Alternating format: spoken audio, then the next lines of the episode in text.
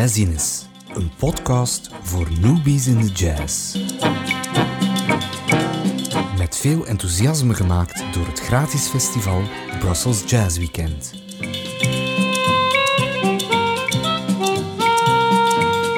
Deze special staat integraal in het teken van 100 jaar Toets Tielemans, net zoals onze komende festivaleditie op 27, 28 en 29 mei.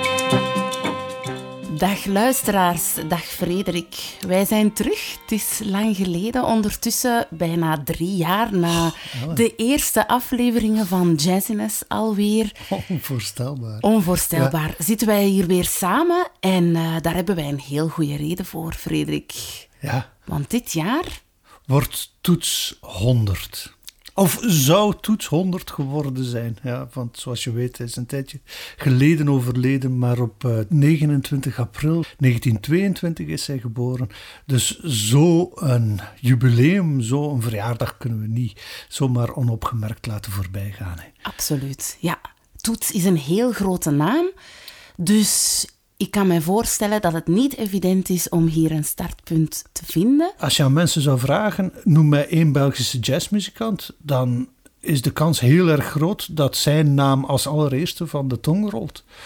Uh, en wij zijn nogthans een land van, van goede jazzmuzikanten en sommige zijn internationaal heel erg bekend. De man die misschien met de bekendheid van Toets kan concurreren, dat is Django. Django Reinhardt, die, die natuurlijk ook hier in België geboren is. De Fransen zouden zeggen, no, no, no, no, c'est un Français. het was een zigeuner natuurlijk, maar wij zeggen dat het een Belg is. Maar we hebben er nog, Philippe Catherine bijvoorbeeld, hè, misschien de grootste levende Belgische jazzartiest vandaag. Of historisch iemand als Bobby Jaspar, die ook internationaal heel erg bekend geworden is. René Thomas, uh, ja, noem ze allemaal maar op. Maar Toets, die troont er toch wel bovenuit, hè.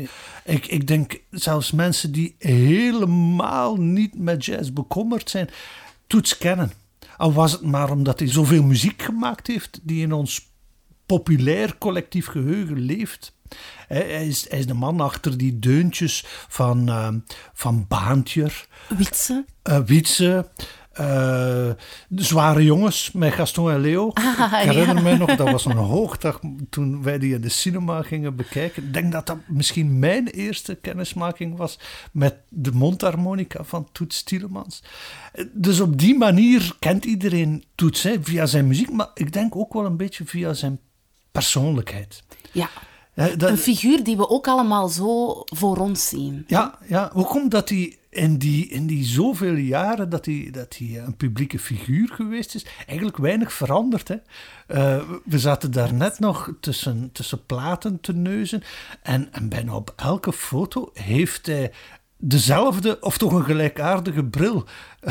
En, en, nog niet eens van het meest modieuze type. Het is zo'n heel dikke bril. Er is op geen enkel moment iemand geweest die gezegd heeft: Kom, we gaan eens naar een optieker, uh, Jean. En we zullen nu eens een mooi, modieus, fijn modelletje. Nee, dat is altijd die, die heel prominente bril van hem. En dat snorretje. Het, het, is, het is eigenlijk een beetje een karikatuurtje. Hè. Ja, ja. Hij tekende, als hij, als hij platen uh, signeerde, dan, dan tekende hij ook zichzelf als mannetje daarbij. Hè. De, dus die, die twee ootjes van Toets waren dan zijn brilletje geworden en zo. En je herkende hem daar ook in. Niet alleen als muzikant, maar gewoon als, als figuur en dan natuurlijk als mens. Toets is, is zo die, die heel vertrouwde, bescheiden, toegankelijke man. Zelfs, zelfs wanneer hij een baronstitel kreeg, dan nog heeft hij dat met met verwondering bijna. Hij was dan natuurlijk heel erg doorvereerd. Dat was een hoogtepunt in zijn carrière. Dat hij van het land waar hij vandaan komt, waar hij niet zijn carrière gemaakt heeft. Hè. Want België is nooit echt zacht geweest voor toets. Nooit zand in eigen land. En, en Belgen zijn, zijn daar misschien wel nog de beste in. Je moet eerst jezelf bewijzen in het buitenland. En dan begint er hier af en toe ergens een frank te vallen. Ondertussen een kleine euro te vallen. Maar wij zijn zijn niet de meest chauvinistische op dat gebied. Dus dat is ook het geval geweest met Toets. Dat, dat weten weinig mensen. Maar hij heeft ja. dat Belgische, die, die, die Belgische nationaliteit laten vallen om Amerikaan te worden. Want Ja, in Amerika gebeurt het. Dat is het land van de jazz. Daar moest hij ook naartoe.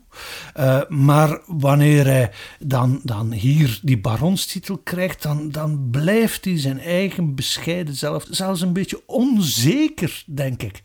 de manier waarop hij voor concerten telkens zo zenuwachtig was om op het podium te komen zich telkens afvroeg van, gaan de mensen het wel goed vinden?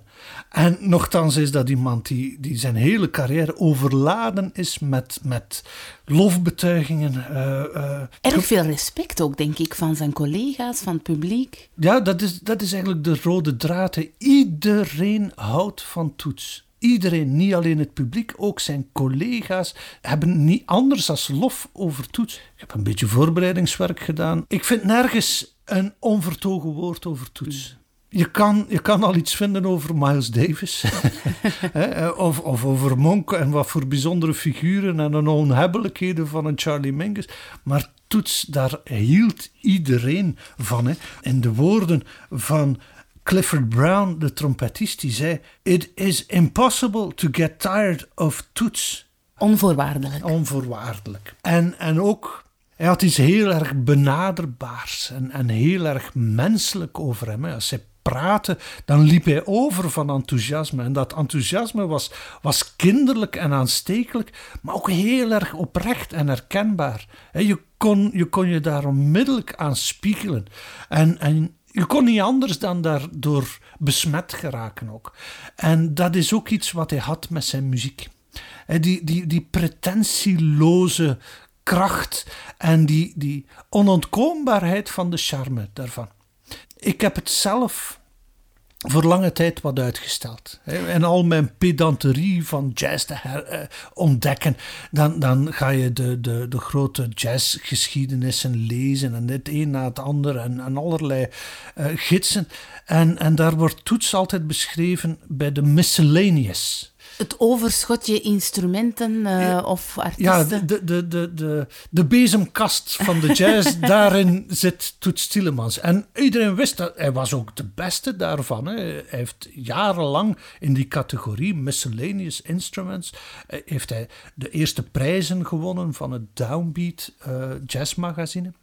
Maar hij, hij, zat een beetje in de periferie. Dus als je jazz leert kennen, in ons verhaal over jazziness, hebben we het eigenlijk ook niet over toets gehad. Nee, nee. Realiseer ik mij nu.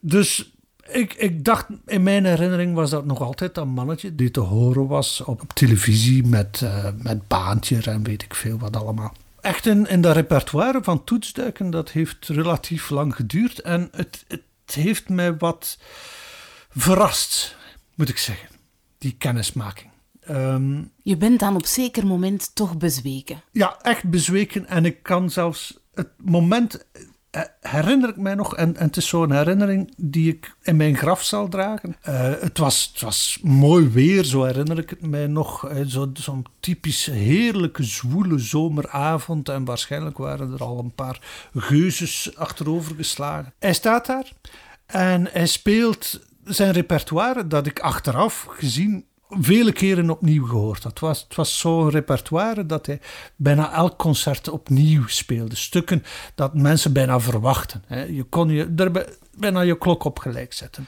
Maar voor mij dus de eerste keer. En, en dan uh, eindigt dat concert met misschien de grootste tearjerker van de Belgische muziek, Jacques Brel. Ne me quitte pas.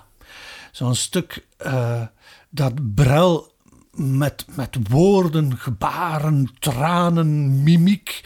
Om die nodige pathos te kunnen overbrengen. Ja, dat, dat is legendarisch. Hè? Maar dan Toet Stielemans, die dat speelt, met dat onmogelijk instrumentje. Dat onwaarschijnlijk geluid, zonder woorden, maar puur zijn bitterzoete stijl. Between a smile and a tear. Dat moment kan ik niet anders omschrijven als magisch. En ik denk dat zeer, zeer veel mensen die toets gezien hebben, iedereen zal die magie zich herinneren. En ik heb toets daarna vele keren gezien. En ik heb vele keren de Mikito Pa gehoord. En telkens was het effect net hetzelfde. En ik zou eigenlijk de podcastreeks willen beginnen met een Numikitepa. Als je het niet hebt meegemaakt, is het misschien een indruk die je kan, kan opdoen als je dit live hier hoort, uh, samen met Kenny Werner. En hij, introduceert het ook zelf. En dan hoor je Toets ook als, als mens. The most powerful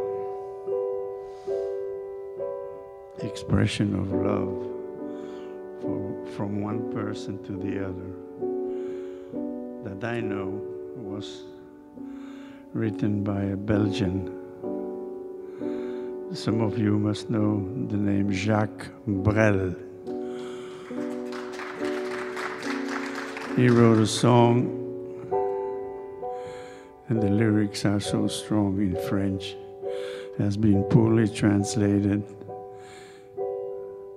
Ne me quitte pas. Do not leave me. That's the name. Just, I'd be happy just to be the shadow of your hand. Do not leave me. The shadow of your dog. Don't leave me. That's the message.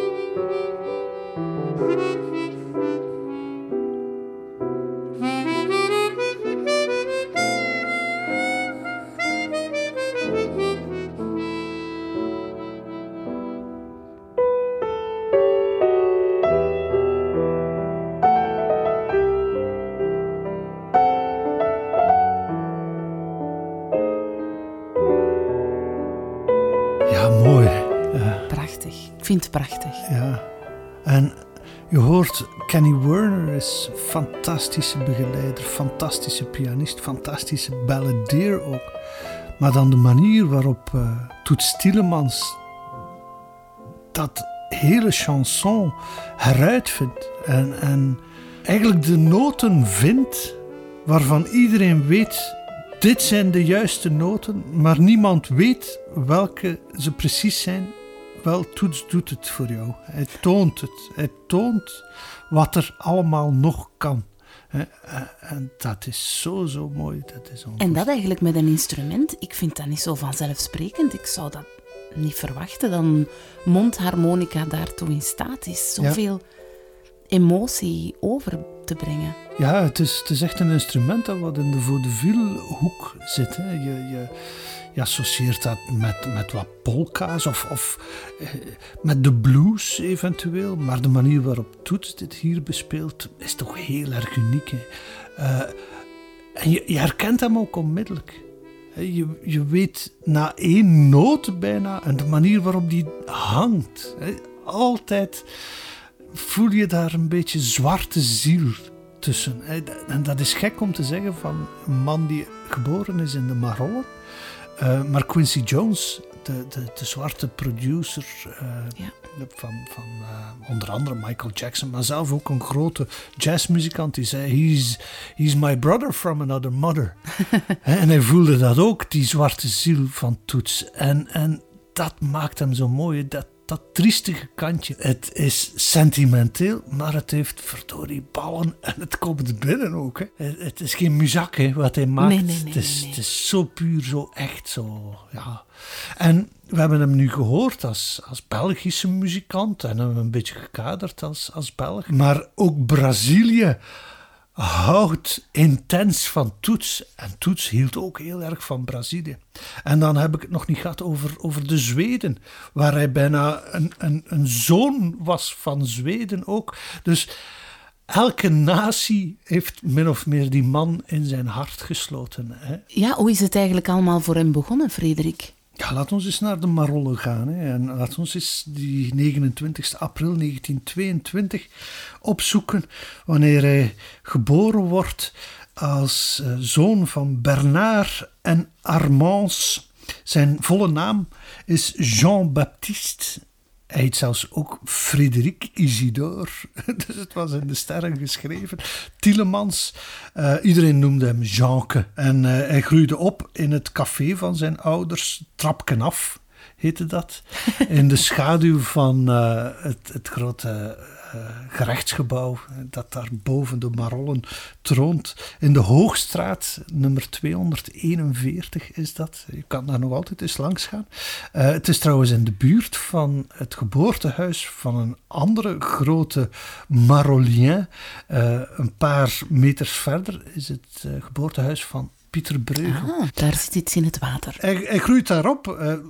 Hij was het eerste kind van, uh, van dat koppel. Maar van jongs af aan was al duidelijk dat die jongen muziek in, in het bloed had. Hij, luisterde naar de accordeonisten die in het café langskwamen om daar valse muzetten te spelen en, en volksmelodietjes.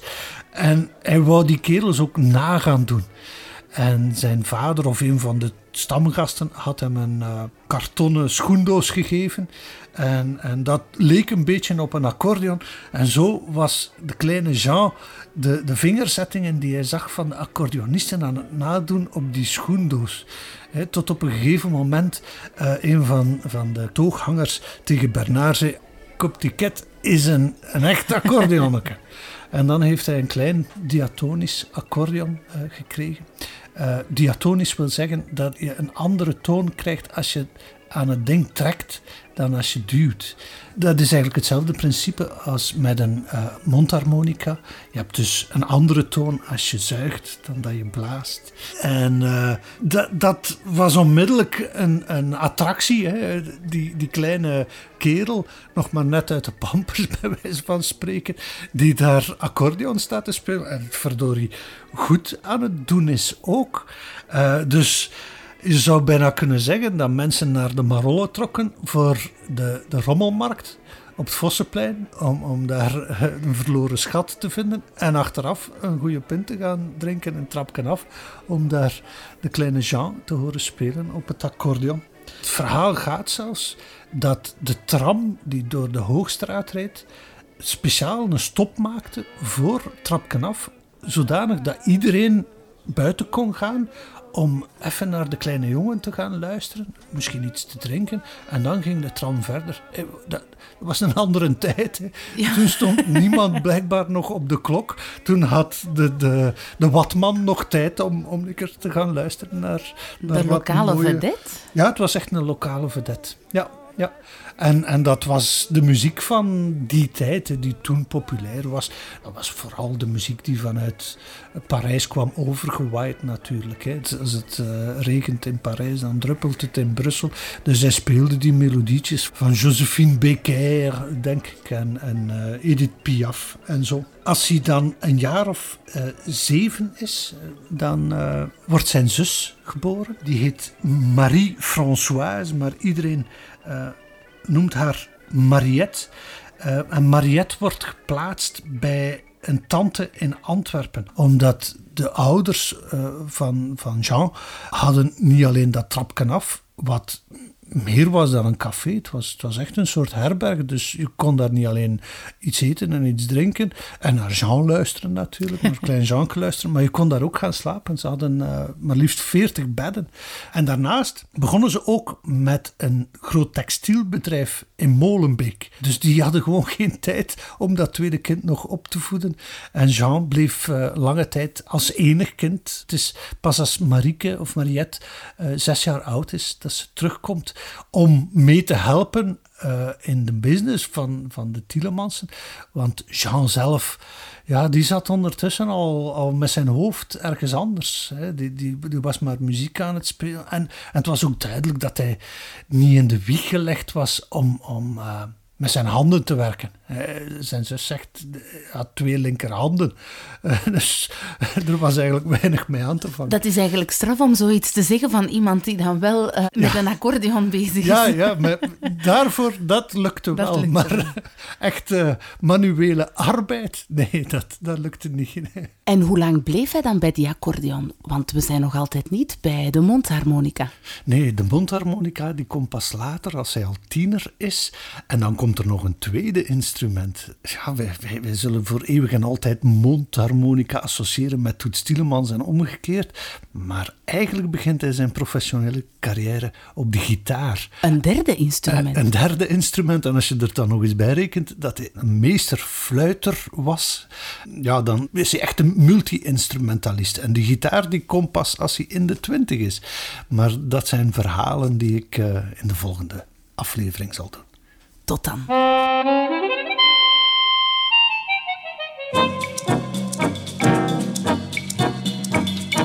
Deze podcast werd gemaakt door Brussels Jazz Weekend. Helemaal enthousiast geworden over jazz? Kom dan op 27, 28 en 29 mei meer dan 200 gratis concerten beleven tijdens het festival. En dank je wel om onze podcast te liken, zodat er nog meer mensen van kunnen genieten.